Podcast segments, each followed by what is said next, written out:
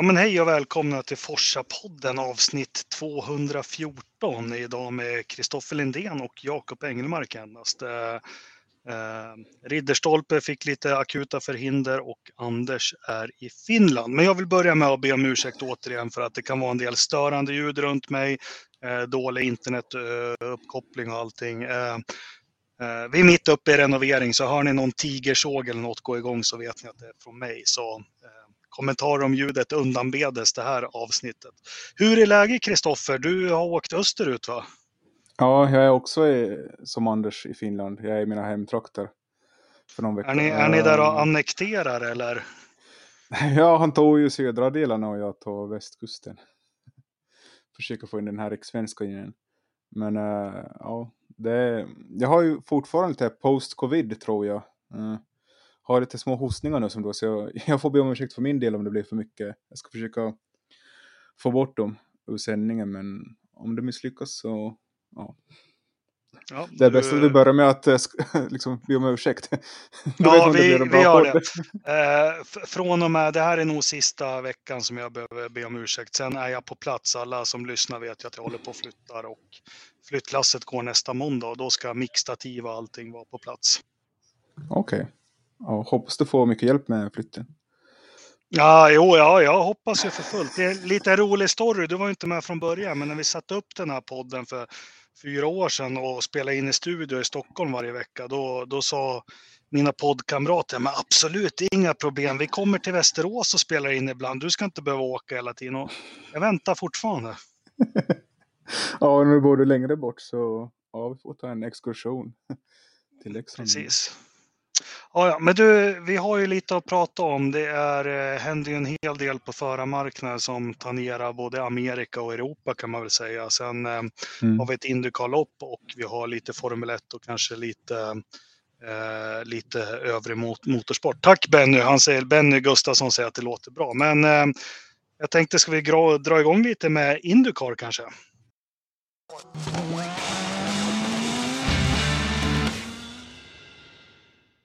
Ja, och den där jing, gingen förkunnar ju att nu ska vi prata Indycar, men som sagt, det kommer ju tangera lite Formel 1. Eh, det har väl inte undgått någon, till, eller någon senaste veckan och eh, vårt avsnitt kallar vi in It sucks to trust Brown. Mm. Varför har vi döpt avsnittet till det? Varför suger det att lita på brun? Ja, det är väl... eh, Litar man på Zac Brown, eller gör man det? Han har ju en liten förkarusell minst sagt. Han eh, skrev ju kontrakt med för höger och vänster nu i alla klasser och eh, ingen vet riktigt var någon ska sitta, känns det som. Eh, Det, det, det som hände, en kort recap i veckan, det var att allt hände lite samtidigt. Eh, Nu vet jag inte om jag har rätt tidslinje på det, men, men på ett ungefär så började väl med att Chip Ganassi konfirmerade att Palou, att de har tagit upp optionen på att köra Palou Mm. 2023. Eh, Mm. I samband med det så går Palou ut och säger det här eh, har inte de tillåtelse att säga, jag ska köra för McLaren. Och sen så kommer en Instagram-story för Daniel Ricciardo.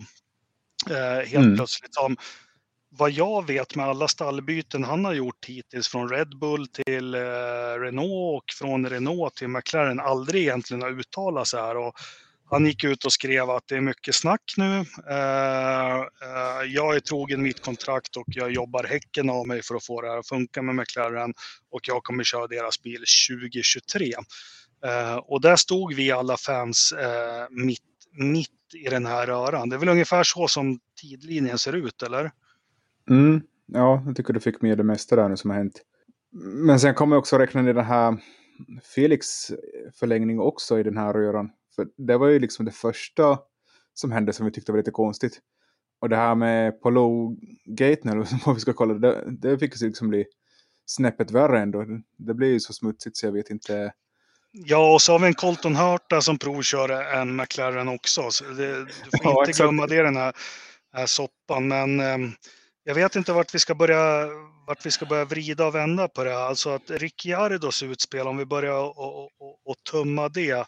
Eh, Mm. Var det en positionering eller vad, vad handlade det om?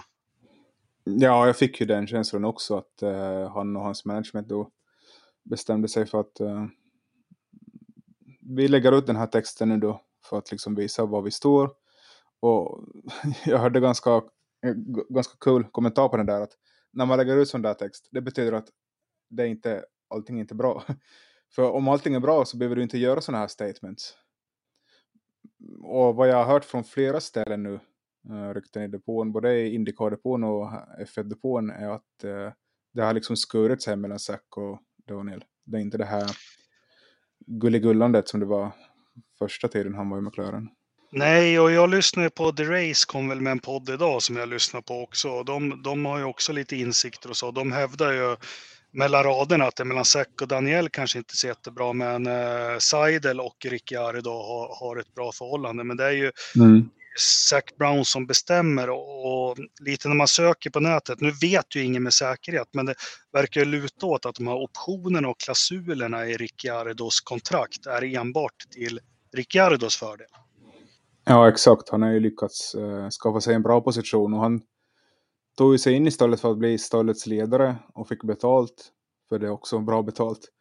Och som du säger, det verkar ju som att de enda klausulerna som McLaren har gjort är att eh, om de inte levererar, en tillräckligt bra bil så kan han dra sig ur kontraktet då. Men med det sagt så det finns ju alltid möjligheter att för om, om, om man vill att inte en förare ska sitta kvar så brukar det alltid kunna liksom hitta en lösning. För vem vill gå till ett jobb om de vet att de inte vill ha dig där? Det är ju alltid den grejen också. Precis, det vet ju alla som följde Williams på 90-talet mycket väl. Eh, nej men som jag har förstått det att Ricciardo, han, han försöker väl klamra sig fast där och Eh, Zac Brown försöker väl säkert övertala om att det här är inget bra, du kanske ska sluta eller vad som helst. Men, men det vi vet är att Ricciardo har ett kontrakt med McLaren för 2023. Sen har vi nästa grej, om vi ska ta den Colton Hurta, så börjar det också bli, bli, bli stirrigt så här och vi har resonerat lite att eh, Zac Brown och Andretti är bästa kompisar och hej och hå. Men jag, jag tror ju enbart att den här testkörningen Eh, handlar om att utvärdera Colton Hurta, få honom att köra fredagsträning på Kota och ta in lite Gainbridge-miljoner i McLaren. Eller vad, är jag fel ute tror du? Nej, det är, det är den. Det är det jag har hört också. Att uh, han som står bakom Gainbridge är ju någon mångmiljonär i USA som uh, ja, och Zack vill tydligen åt hans pengar. Och det är väl det som Plus att han är amerikan då hört då. Så det är ju också mycket rubriker nu då. När han hade sina testdagar där. Men, äh, men som du säger, det känns ju lite så här backstabbing av Zack att oh, man ska vara jättebra polare med Andretti men samtidigt vill han stjäla hans sponsor. Om nu inte Gamebridge har pengar så att det täcker båda stallen förstås. Det kan ju hända, jag vet inte. Jag Nej, men samtidigt är det så att den här killen. Ja, men det är ju Gainbridge, det vet vi. Det är ju de som ligger bakom att Andretti söker sig till Formel 1. Men det verkar mm. ju för varje dag som går så är det mer och mer otroligt att Andretti är önskvärd i Formel 1. Och Gain, mm. Gainbridge vill säkert gå in i Formel 1 europeiska marknaden eller asiatiska mm. eller vad det än är fortfarande. No. Sen får vi aldrig glömma att Colton Hurta är ju inget kort att spela på för Formel 1 nästa år, för han har ju inte superlicenspoäng. Nej, det ska nog mycket till den här säsongen också för att han ska få dem. Han måste väl sluta topp fyra, tror jag, plus om man kör tillräckligt mycket F1-bil också så tror jag han kan komma upp i poängen. Men det ska liksom mycket till. Precis. Men då har vi rätt ut Ricciardos kontraktssituation och vad vi tror där. Att eh, han sitter kvar om han vill. Hur tjurig han än är så kör han McLaren. Men det finns ju grejen också att eh, man betalar typ eh, halva hans lön och Ricardo får gå och göra vad han vill då. Mm, vad han har för alternativ vet jag inte, men att man tar in en yngre förmåga då som troligtvis är billigare så skulle Zack ändå liksom gå på plus, plus att man får en snabb förare. Och där är ju liksom Piastri kommer in i den ekvationen också. Som de också flörtar med. Det gör han ju, men jag tror fortfarande att Ricciardo är för stolt för att ehm, eh, sitta av ett kontrakt ett år faktiskt. Han är fortfarande i för mycket prime med åldern för att liksom känna att han har råd att göra det. Det, det är bara min spekulation. Ja, och Kimi gjorde ju det ett år. och det känns ju som att McLaren börjar bli lite infekterat också. Men då har vi ju ja. nästa i den här soppan. Du nämnde ju Felix som gick ut med att han hade förlängt. Men sen så har vi Palou här och, och, ja, det är en riktig soppa. Jag vet inte med eh, om man ska dra in eh, management för Palou och Ganassi och Zac Brown här. Ja, jättesvårt att navigera i, i, i den här stormen. Har, har du något lättare än vad jag har? Mm, Palous eh, management är ju ganska ungt management som jag förstår det. Så de har väl bara haft, det är väl deras tredje förare de har haft hittills, så det kan ju hända att de inte har rutinen i sig. Men eh, vi vet ju inte när, Eh, eller vi, det vi vet är att eh, Palou har inte varit nöjd med, med det betalt han har fått för att vara en världsmästare i Chip Ganassi helt enkelt. Och det är väl det som har lett till att eh, han har kollat efter nya ställen och då satt, satte ju Chip Ganassi ut ändå, och det onsdag morgonen, alltså natten till onsdag då, en text på Indicas hemsida att de har tagit upp den här optionen då på, som jag minns det var det två år till då.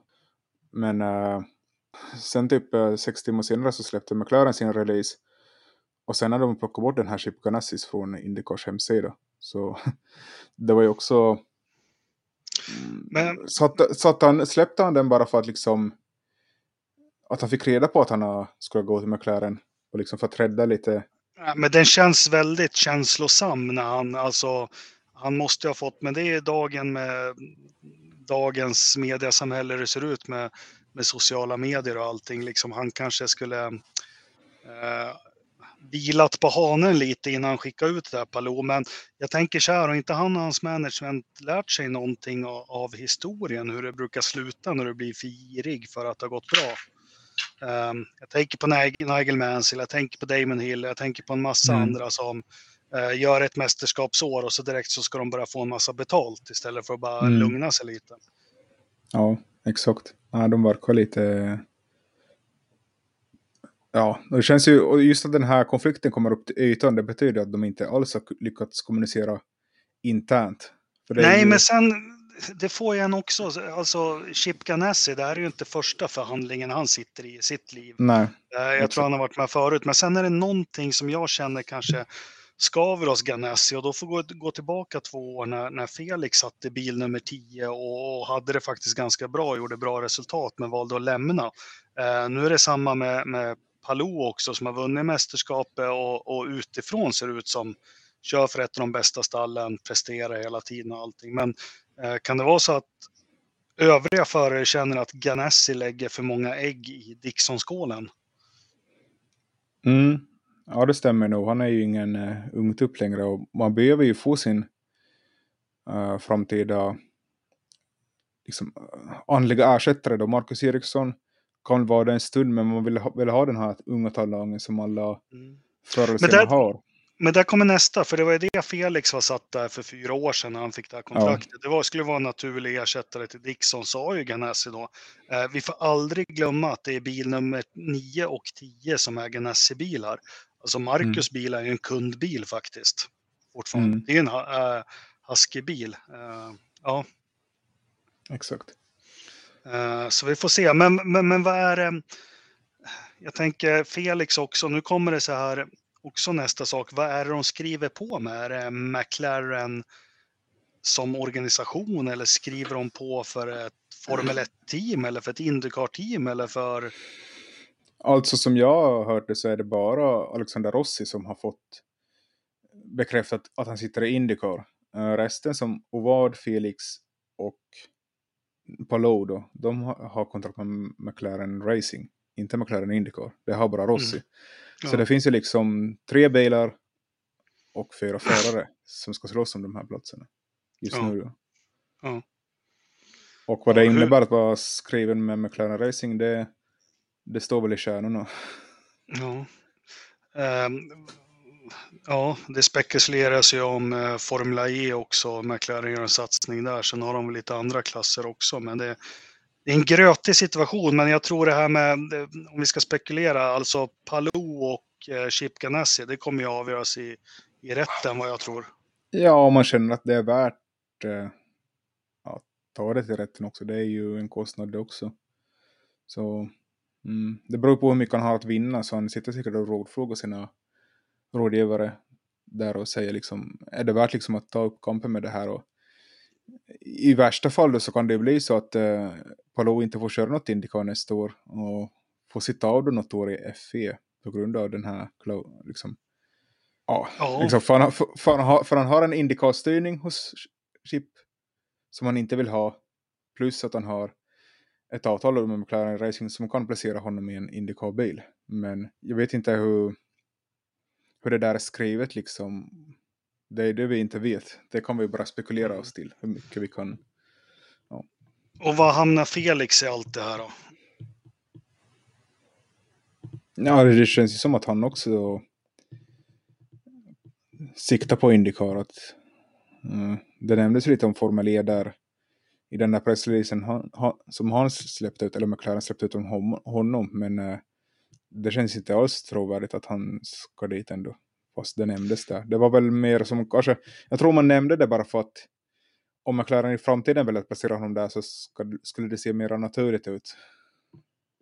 Men det är det man undrar också hur de här kontrakten är skriva och det kommer vi aldrig få veta. Men, men eh, har Felix i det här fallet, han veto liksom och nej jag vill inte köra Formel 1. Eller är han liksom bunden att köra där, där McLaren placerar honom? Det, det är jätteintressant. Men Mm. en sak som är säker, jag tror inte Chip Ganassi släpper det här utan att få några extra dollar i plånboken. Ja, och vem tror du han ska ta in då istället för Palou om han nu... Han kommer troligtvis inte vilja köra där hur den blir så Jag hoppas att man flyttar upp Marcus i bil nummer 10. okej. Ja, för jag hörde också ett rykte att den här som dominerar nu i F2, den här, eller dominerar, han leder i alla fall F2, vad heter han, eh, brasilianaren uh, Drugovic, att han kanske kan gå till, Indica, till Chip Ganassi då. För som sagt, han har ju den här brasilianska banken bakom sig och Ja, Och kanske ta den här betalstyrningen då. För det skulle inte vara en omöjlighet.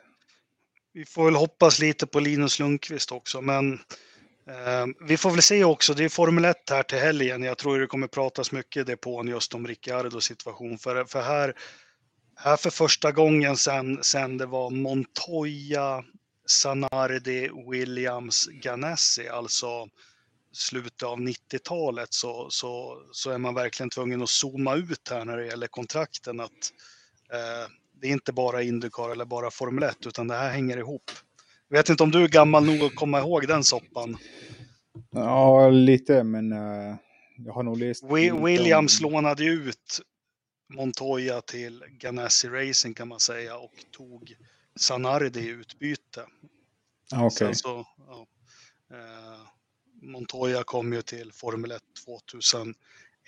Det var ju därför Button fick debutera år 2000 för då eh, Williams ville ha Montoya redan då och ville sparka Sanardi efter den hemska 99-säsongen. Ja, ja, jag ska inte sitta och dra sån gammal historia, men det är men det senaste jag kan komma ihåg att man fick liksom zooma ut bilden när det gällde Indycar och, och Formel 1. mm. Eh, också intressant i den här soppan att eh, jag läste nyligen att eh, de ska fortsätta med de här McLaren-testerna och fjolårsbilen. Och den här Johan Daruvala ska köra den här veckan, den som Colton Höter körde. Så det verkar ju Mm. också vara en till som uh, Zac Brown vill ha, få lite sponsorer till. För han var ju, hans farsa är en av de rikaste i Indien, har jag hört. Ja, men, men det man undrar... Ja. Och han, och han är ju Red Bull-backad. Så det är liksom, Ja. Men det man tittar som man tänker med Zac Brown, nu vet ju inte vi, vi har ju högaktat honom kanske lite, men han, han businessman eller han racer? Det är ju det man börjar fråga sig nu, för det finns ju två aspekter i det här. Alltså kontrakterar han så här många förare för att liksom få in deg och pengar och sponsorer i alla världens fyra hörn? Eller Mm. är det helt enkelt att McLaren de har ingen juniorprogram? nej exakt, de har ju slutat med det för några år sedan. Det var väl eh, Bando, eller var det kanske Lando som var sista rekryten där? Men eh, Ja, det pratas så Men, mycket. Ja. Ja, men i alla fall, det... kom- enda som är säkert just nu känns det som att det är Norris i F1 och Rossi i Indycar. Sen så har de fem platser till Mm. och eh, ja, fyra förare. Så de ska ju ha en, om vi räknar med de här två platserna i Formel E också. För där sägs ju inte Van Dorn och De Vries vilja fortsätta med stallet nu då som, som heter Mercedes idag och blir McLaren då efter årsskiftet. Vad ska Susie Wolf göra då? då? Men hon har ju det här andra... Är det inte hon som driver Mersas Formel? Nej, det är det här andra som jag inte kommer ihåg namnet på. Extreme E? Nej. Nej, nej det är Mercedes kundstall i Formel E. Ja, ja, ja. ja okej. Ja. Ja. Nej, men eh, som sagt, den, den här soppan lär ju fortsätta och eh, vi kommer väl ha det är ett sommaruppehåll snart i Formel 1 och då, då får vi väl tagga upp lite och prata silly också där, eh, vad som händer i Formel 1. Men eh, vi hade ju även ett race i Toronto, Indycar här, eh, som jag gick in i helgen. Det var länge sedan jag var så laddad för att se Indycar. Eh, och jag hade en riktigt jäkla bra känsla på, på Felix och last. Jag spelar aldrig eller bettar, men jag lastade in en ganska rejäl slant. Inte om det är Lövström då, men för mig var det en rejäl slant på Felix. Och så la jag en liten mindre slant på Scott Dixon faktiskt. Eh, såg du loppet? ja, jag kollade faktiskt loppet. Det Då kan du berätta ganska- för mig. Ja. Det var en ganska blandad tillställning med mycket incidenter och För som jag sa, jag var ju superladdad, sett fram emot det här och, och jag måste bara få berätta. Jag, hade, jag var i huset i Västerås då, eh, gjorde mat, jag och sonen käkade, vi skulle se starten ihop och plocka undan hemma. Ni vet så här när man verkligen förbereder sig, allt ska vara perfekt. Och så gick jag ut och klippte gräset. Och så blev jag så jäkla allergisk alltså, så jag tog två allergitabletter. Eh, ungefär en halvtimme innan racet. Och så duschade jag och liksom, ja men allt skulle vara i ordning. Sen när jag satt där en halvtimme in i racet, då började jag liksom fan, nicka till hela tiden. Bara, och jag är aldrig kvällstrött på något vis. Så, ja, men det här är ju inte bra, jag måste gå upp och göra något. Så jag satte igång en tvättmaskin och grejer liksom för att hålla igång. Sen bara, nej, jag går och lägger mig i sovrum och kollar klart slutet för jag är trött. Sen har några minnen jag hör att Scott Dixon vinner och sånt. Men sen upptäckte jag i morse att jag hade förväxlat. Jag hade tagit två sömntabletter. Det var inte två allergitabletter jag hade tagit. Va? Ja, jag hade tagit två sömntabletter. Eh, Så Ja. jag fick inte, jag fick, eh, ja, men så jag förnimmer någonstans att Dixon vann, det kommer jag ihåg. Och, och, nej, jag sov som ett barn och vaknade sju i morse. Ja. Eh, Så du får berätta lite mer om eh, loppet. Jag vet att Felix gjorde en bra start, eh, var aggressiv i början. Eh, Marcus klättrade upp, eh, Dixon var kassaskåpssäker, men så mycket mer vet jag inte. Ja, om vi börjar på kvalet redan så Hurt var ju den, den första i som tog en andra pole för säsongen. Och speciellt han gjorde det på gamla däck också, vilket var imponerande. Men eh, i loppet sen gick det väl inte så bra för honom. Ja, han kom väl Och, eh, tvåa. Ja, exakt. så good enough, men eh, lyckades inte förvalta polen. Men det var ju många som eh, skulle smaka på väggen, både i kvalet och loppet. Jag vet inte hur mycket du såg av det, men Jo men, jag, jo, men lite minnen har jag sådär. Jag minns ju att det var någon som hade det riktigt jävla stökigt och, och kände som att vara osams med alla. Det var ju Romain Grosjean. Mm. ja, han gör sig inte populär där direkt. Men eh, för svensk del så gick det bra. Felix lyckades köra upp sig till tredje plats. Mm, enormt viktigt. Uh, jättebra. Kul att se Dixon, eller kul att se jag som halvsåg mig igenom dem. Men kul att Dixon vinner igen och, och liksom uh, visar att gammal är äldst. Men uh, måste klamra mig fast, liksom man vaknar upp till och för att Marcus Eriksson femma, liksom han börjar bli en riktig mästerskapsförare nu. Mm. Ja, det känns ju som man har eh, fortsätter att hålla den här fina formen som man har haft senaste åren. Och inte försöka mm, minimera misstagen och bara hålla ut och inte Precis. förivra sig heller. Det är ju det som är så farligt när man har en mästerskapsledning, att man börjar, börjar tänka för mycket liksom, Mm. på att vi, vi är ledning och ska behålla den. Så det känns Ja, som att vad- gör allt rätt. Vår gode vän Joakim eller Hans Ternström, jag vet inte vad han heter, han har ju alltid i alla år, ja men just det hävdat att Indycar det handlar om att vara topp 10 hela tiden. Eh, Ja. Och, och, och, det är ju det Marcus gör, eller han är ju topp 5, topp 6 hela tiden här nu. Så det, det är en riktigt spännande avslutning vi, vi går mot. Ja, det blev ju lite... Du såg ju kanske inte det, men Felix eh, gjorde ju en eh, ganska brysk manöver på, vem var det? Ja, Det var i början där va? Ja, Ja, exakt. Ja, fast den, nej, men det, då, då var jag med. Då hade inte som eller Okej. allergimedicinen kickat in. Men det är också lite, ja men där måste vi skilja Indycar från Formel 1. För det som händer, Ja. de stöter ihop och de har ingen servostyrning eller någonting. Och Rossi Mm. tappar ju ratten. Alltså, Ja. det slår tillbaka och det, då ser det ju väldigt mycket värre ut. Men med tanke på Russell och Perez-diskussionen eh, som du och Anders Lövström har haft så, så anser väl du att Felix borde få en livstidsavstängning för det där va? Nej, de är ju inte lika på det sättet, för det var ju mindre yta där. Och, Nej, jag tyckte det, och det lät Rossi brukar vara gnällig, men han, jag hörde inga... För så länge var jag med i matchen att de intervjuade honom i depån i alla fall. Han sa väl liksom att det är sånt som händer och hej och. Ja, och det här tog fram en safety car och då gick ju typ alla in och det blev ju väldigt bökigt där i pitlenen och det var ju där Hurta tappade sin segerchans kändes det som. Men hur, vad fick du för betyg det här loppet då på, på Ridderstolpes omröstning? Har, du något färskt att dra fram? Faktiskt inte. Jag har missat mig. Jag har ju varit på semester här nu så det, det är lite hullabaloo över hela alltihopa. Ja, är som vanligt tyckte-. Ja, en tre och en halva skull är väl 3,8 kanske. Får se. Nej, jag vågar inte gå in och kolla där på Facebook. Vi får återkomma med resultatet. Men, men kul med svensk framgångare i alla fall. Ja, exakt. Det känns ju som Mm. att det, det här behövde Felix ver- verkligen. Absolut, absolut. Det var ett statement. Han har ju kört bra. Han hade ju varit mid Ohio förra racet där. Ja, men det är helt säker på att han skulle sluta topp tre om inte motorn gav sig för honom. Så, han har hittat något i den där McLaren SP, MP eller allt, ja, allt vad de heter. De verkar hitta rätt. Per Award har det ju dock lite tyngre. Han hänger inte alls lika bra med i år som förra året.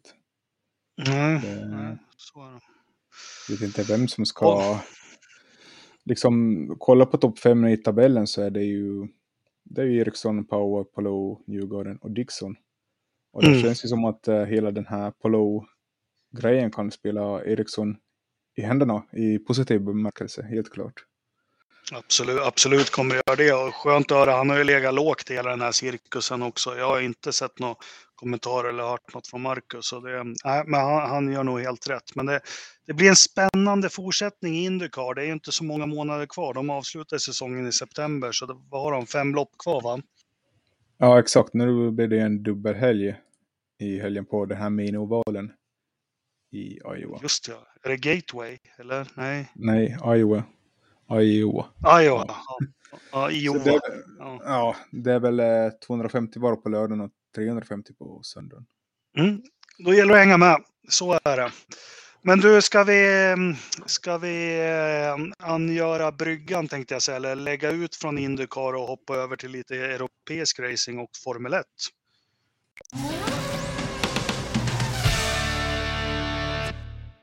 Yes, då känner ni igen den där ingen också, att det är Formel 1 som gäller. Och vi har ju ett lopp nu till helgen. Vad, vad är förutsättningarna för det? Du som är murvel. Ja, Mercedes kommer vinna. Det är väl förutsättningarna.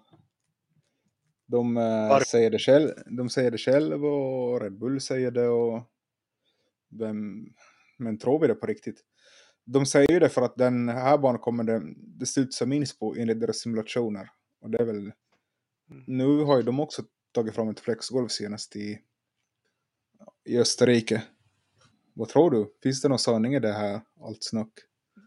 Nej, nej, de har inte, de har inget, de har inte pulver på rakorna och sånt. Sen att det råkar studsa lite mindre, det, det tror jag gör detsamma. Men nej, nej, jag, jag tror inte att, att eh, Mercedes kommer vinna i helgen.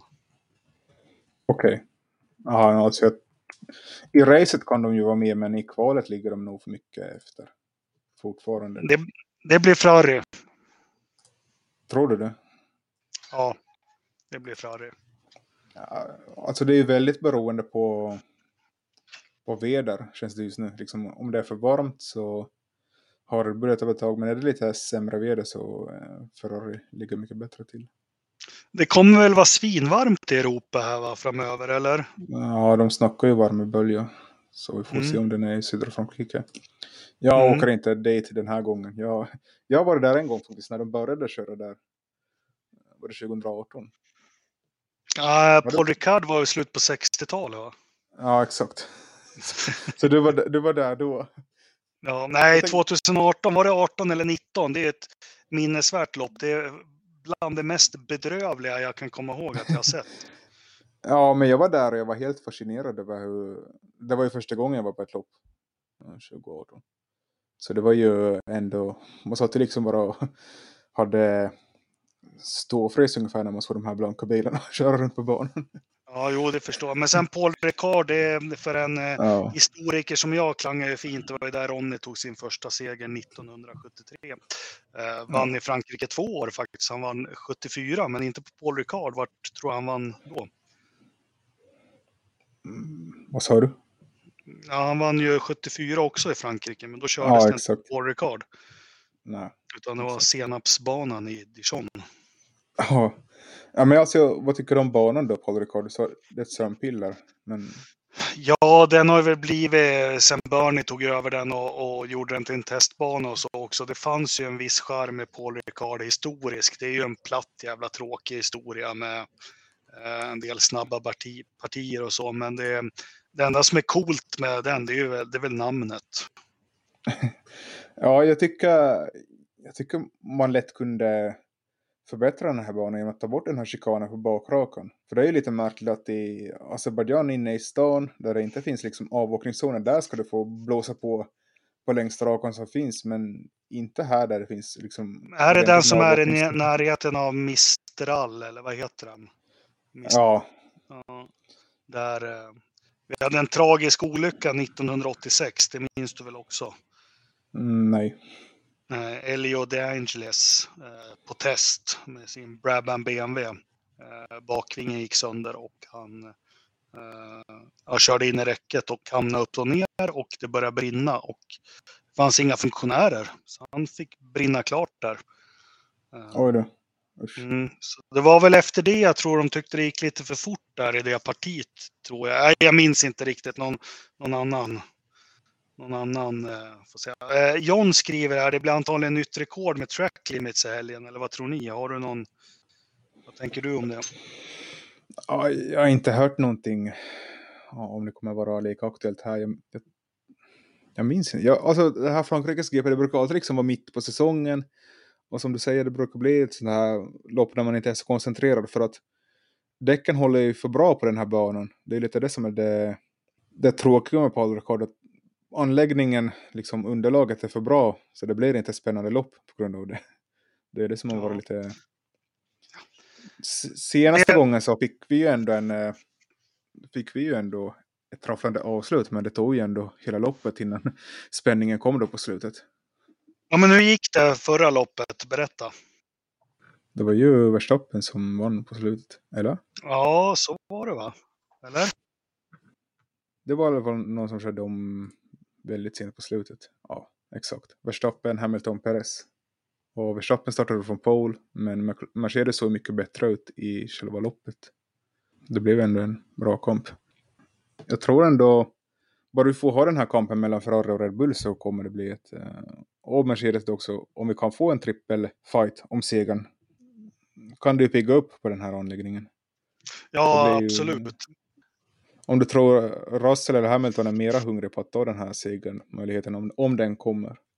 Ja, men Hamilton, ja, det bör ju bli konfrontation. Ehm, man väntar ju lite, precis som vi väntar på Leclerc och Verstappen-konfrontationen, så väntar man på Russell och Hamilton-konfrontationen någon gång. Men ehm, nu känns det som Hamilton har hittat någonting i bilen som gör att han är beredd att liksom eh, ge järnet i den. Så det, det blir också en spännande kamp för helgen att följa. Exakt. Sen så är det väl eh, flera bilar som kommer med sina uppdateringar. I alla fall Alfa Tauri läste kommer med ett litet uppgraderingspaket. Det... Ja, de behöver väl hur mycket som helst till sin bil. ja, exakt. Det känns ju så. De har ju kört tre lopp nu utan att ta ett enda poäng. Och eh, det var väl också Haas som skulle komma med sitt paket här. Så det blir ja. Tror du Günther släpper ut något paket sådär eller nej? Ja, de har ju snackat om det länge, men eh, de verkar ändå förstå sitt paket ganska bra. Så då undrar man ju om det blir faktiskt bättre med att ta, en, ta in nya grejer. Mm. Ja, vi får se. Det är alltid härligt med Formel 1 i alla fall i helgen, men eh, historiskt det känns svårt att snacka upp ett Frankrikes Grand Prix just nu. Eh, det som jag tycker ska bli mest spännande det är väl Ricciardo och McLaren-soppan. Får se när Formel 1-journalisterna sätter tänderna i det här nu på torsdag, fredag också, vad, vad, vad det blir med det. Ja, exakt. Uh, sen får vi se Ferrari säger och man kommer, man kommer ju bara se över den här mot, motorrasen helt enkelt. Och inte till Frankrike eller Ungern, men i alla fall Spa eller Italien hoppas de kommer med en ny uppdatering då som förbättrar tillförlitligheten. Och det är väl, de är väl illa tvungna om de ska vara med i den här kampen om VM. För de har ju farten helt klart. Ja. Jag, jag, tänkte på en annan sak, eh, får också fördjupa oss mer i det i, i under sommaruppehållet med det här med silly och allting. Men Alonso har ju gått ut ganska hårt nu att han vill inte köra ett år till, han vill köra två år till. Mm. Ja. Han får gärna 25 år till för mig. ja, han sa ju det ganska bryskt att han, eh, liksom många säger att varför har den här gamla gubben och ta plats för en massa unga talanger. Men eh, han sa ju själv att det finns ju andra som är, sämre än honom och har en plats i F1. Så jag tror han kan sitta kvar. Än. Han har ju ändå ett så högt marknadsvärde. Så det beror ju på hur, man, hur de kan dela till får de bara fixa en körning till Piastri. De vill ju inte tappa Piastri som de gjorde med Sov. Vi ska komma ihåg att Sov var ju en alpin eh, junior. Ända tills han skrev på med Alfa Romeo då. Eh, det är lite bortkastat om du, om du betalar, om liksom hjälper dina juniorer fram men sen liksom inte lyckas konvertera det till en bra F1-förare. Och Piastri har ju alla förutsättningar att bli en väldigt bra F1-förare. Så jag tror eh, det känns ju som eh, ändra Williams eller McLaren då. Är väl om Alpin lyckas dela någonting med dem. Om det ska bara vara liksom på lån då i två år eller ska det ingå några motorbyten där också. Sen så vet jag inte om de här stallen vågar byta motorn innan 2026 för det är ju en väldigt stor omställning att byta motor. Ja, verkligen. Det är, är inte liksom att bara plug and play. Utan det är ju hela benets design som ska ändras också. Så jag tror man vill undvika sådana såna affärer in, som innan 2026. Mm. Annars, har vi något annat på F1-fronten som du vill ta upp innan vi... Ja, ja Saudiarabien har ju köpt in sig lite mer i... Aramco? I ja, nej, det här är Saudiarabiens eh, Public Investment Fund som de har. Så de, så de petar in 92 miljoner dollar i Aston Martin. Det sina slantarna för pappa Stroll? Eller? Ja, exakt. Det var det här vi, jag läste diskussionen var om att, att för fem månader sedan sa Stroll att, eh, att vi behöver inga mera pengar. Att eh, vi liksom har säker kassa. Men eh, ändra så gör han då, eller så har de, deras burnrate är väldigt hög. Eftersom de tar in en ny investerare i bolaget. Ja, for, fortsättning följer. Ja. ja. Precis. Men du, ehm, ska vi stänga Formel 1 också och se fram emot Frankrikes Grand Prix och eh, snacka lite övrig motorsport? Vem tror du vinner då? Leclerc. Ja, han behöver ju det. Mm. Han vinner. Jag har svårt att välja nu. Nu har ju både Sainz och Perez fått till vinst. Så Ska jag, ska jag börja hoppa på Russell-tåget nu då fast inte... Ja, kör det. Du älskar ju honom. ja, exakt. Ja, det skulle vara kul om Russell tar sin första vinst. Så vi får då lite... säger vi Russell då.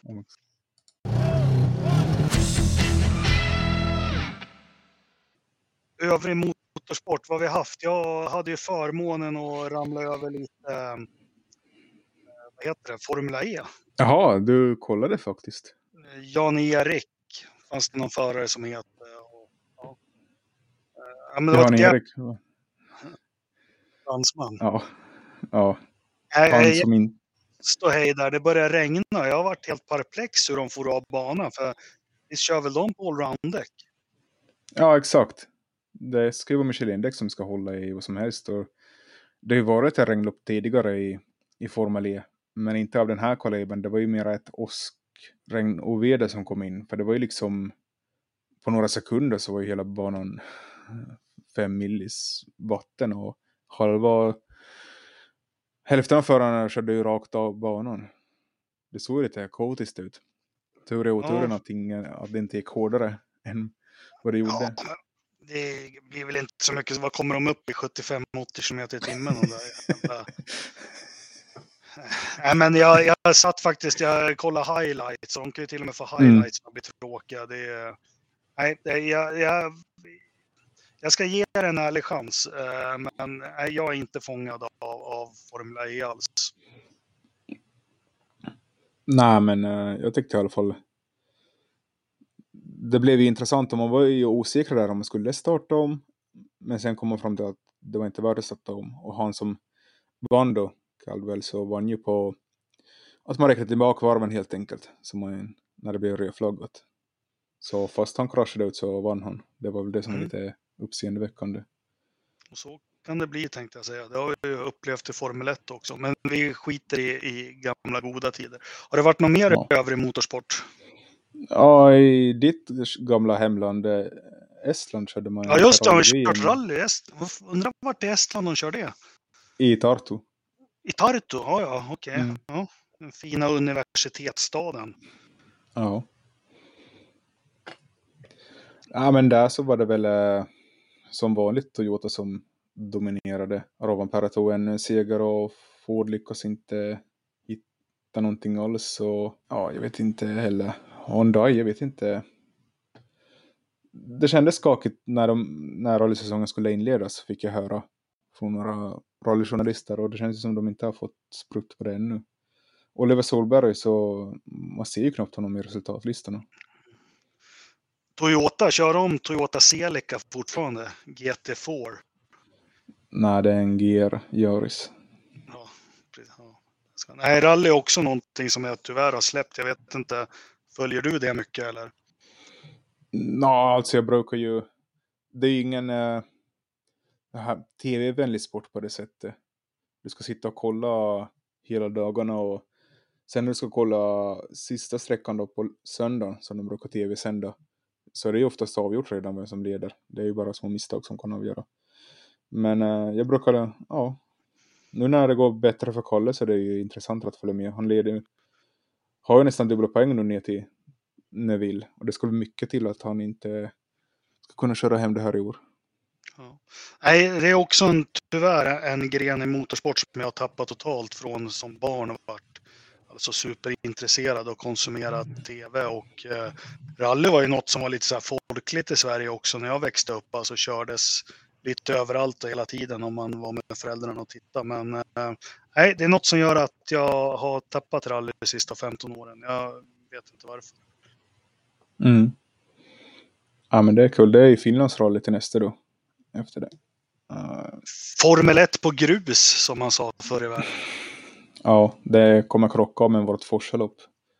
Aj då. kommer inte Ja, ja, ja, kommer märkas på tv-siffrorna. ja, exakt.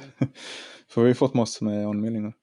Ja, jag tänkte vi tar det nu också, för vi har inte tagit det. Vi har ju Forsaloppet som går av stapeln den 6 augusti. 6 augusti ute på Järfälla. Eh, Forsa-redaktionen har varit där och provkört. Eh, ser mycket bra ut. Vi har mycket anmälningar. 13 team i dagsläget va? Ja, 13 stycken. Mm. Plus några, plus några som kommer själva som så det blir 15 då när vi, när vi parar ihop dem. Precis. Och Så- loppet, precis som den här podden sponsras ju eller görs i samarbete med racingtime.se. Och Ja. när man skänker lite priser eh, till loppet, kan du berätta mer om det? Ja, den här Racing Time Grand Prix-klockan som jag, jag har på mig en sån just nu. Jättefin eh, motorsportinspirerad klocka. Och den som kommer göra snabbaste varv under den här tävlingen då så kommer vinna den här klockan. Helt enkelt. Mm. Mm. Plus att eh, första pris är ju också ett presentkort. Och, och en vandringspokal. Presentkortet är till Järfälla höjkart så du får komma dit och köra en tävlingskart. Precis. Eh, vi tackar racingtime.se jättemycket och eh, in och kika på deras hemsida. De finns även under eh, samma namn, racingtime.se på Facebook och titta lite vad de har för klockor och produkter. Eh, prisvärda Och vi har ju, ja, och vi har ju också en tävling av våra sociala mediekanaler om att uh, om ni inte kan komma på loppet så kan ni ändå vinna en sån här klocka genom att bara ja, gå in och kolla på vår sociala mediepost om det. Där du ska mm. tagga en vän som ska bara lyssna på Forsa-podden samt gilla inlägget så är du med i vår utlottning. Och den mm. tävlingen pågår också till tills Forsaloppet går av. Så det finns tid ännu att vara med i den här tävlingen. Klockorna är värda 2495 spänn. Mm. Och du har ju berättat med den där klockan på armen så gick du förbi alla VIP-köer på krogen där hemma i Finland. Där nu. Ja, exakt. Mm. Det, det här är ju liksom en Rolex i Finland när man kommer med en svensk klockvarumärke. Precis. Ja, men tack, tack racingtime.se och eh, det finns några platser kvar om man är intresserad av att vara med i loppet. Det kommer bli en det kommer bli en härlig tillställning och kommer bli kul att träffa lyssnare och läsare och diskussionskollegor på Forsa Motorsport på Facebook. Eh, ser jättemycket fram emot det. Ja, absolut. Mm. Har du vässat din kön då sen vi såg sist? Nej, jag tänkte ju lägga in några varv här på Mikka Salobanan. Ja. Det är väl närmaste banan vi ska se. Det har ju varit så dåligt väder här i Finland så vi får se när jag tar mig dit. Men äh, det, ja, ja, ja. det finns i planerna i alla fall. Ja, Nej, men du har potential Kristoffer. Eh, orädd och sjövild. Ja, hur går det själv då? Har du hunnit lä några, lägga några varv? Nej, tänkte faktiskt stanna till och, och, och köra lite in i Hedemora, men de hade ju stängt på måndagar. Så vi får se om vi kanske tar oss till Mora här någon dag och, och lägger några varv där. Men eh, eh, jag känner mig bra inför, jag känner mig förberedd. Eh, eh jag känner mig snabb, jag känner mig uthållig. Jag har eh, i min son Albin Engelmark och Thomas Skalberg de bästa förutsättningarna för att vinna hela skiten faktiskt. Ja, det är bra. Uh, min stallkamrat är också en förare av rang, Niklas Bengtsson. Så han kommer ju... Mm. Det blir väl han mot din son som kommer göra upp om det här. Ja, vi får se. Mycket kan ju hända. Sen gäller det tillförlitligheten också. Du får inte, vara, får inte ha sönder grejerna heller. Det är ju inte bara att vara snabb. ja, exakt. När du kör in i sidan på mig så...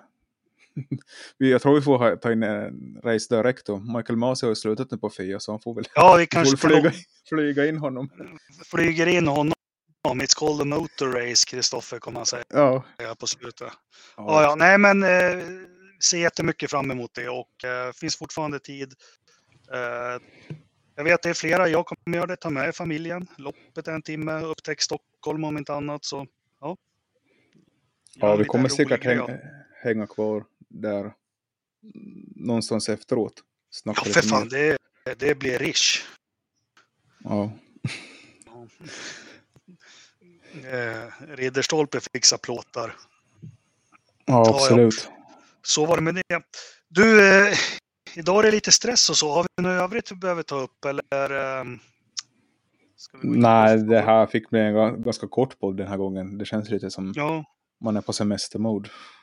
Ja, och jag är ju snickra-mode och det är hantverk och allting. Men eh, ska vi ta en av höjdpunkterna nu då? Veckans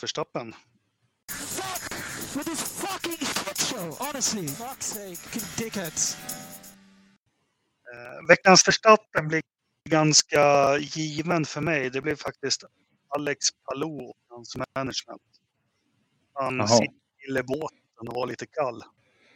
Ja. Ja, det är väl ganska bra. Uh, jag skulle väl säga Bernie Ecclestone. Han har ju igen varit och... Fast... Ja. ja. Eller jag vet inte är det en Verstappen att man att han har och deklarerar inkomster på 472 miljoner dollar. Fan låt han det, skit i det. Han är, han, han är ju död snart. Alltså, ja, ja. Det var som någon sa, ja, mygg, av, mygg av honom helt. Det... Ja men 472 ja. miljoner dollar, vad fan det är väl ingenting han går runt och håller ordning på. Alltså... Ja, tydligen eftersom det är skatt, skattmasen inte Jo, men jag tror inte han har undanhåller. Liksom, han är liksom inte, vad fan. Det är väl ungefär som att jag har 27 spänn i fickan här. Oj, dök de upp? Var kommer det ifrån? ja, exakt.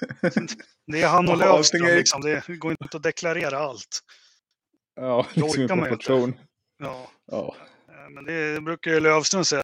Det är ett heltidsjobb att hålla ordning på alla pengar. Ja.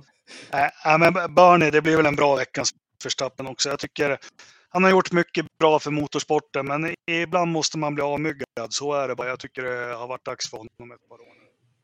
Ja, man, det är ju det är lite skumt att man fortfarande skriver om honom. Det är ju mer än fem år sedan nu han sålde F1, men Ja. ja. Låt han skaffa barn på ålderns höst och, och, och leka med dem och ta hand om dem och blöjorna och så, så. Så kan han ha det gott där. Det är väl någon, det är väl någon jävla kaffefarm i Brasilien han bor på. ja, han bor väl lite överallt kan jag tänka mig. Ja, ja, jag Han, han hoppas. bor ju i Schweiz också, Ja. i G-stad. Fan, hur orkar han flyga sådär över Atlanten? Ja, ja, ja, det är en annan sak. Ja. ja, men då har vi klarat av veckans förstappen, men då ska vi försöka kolla vädret lite då.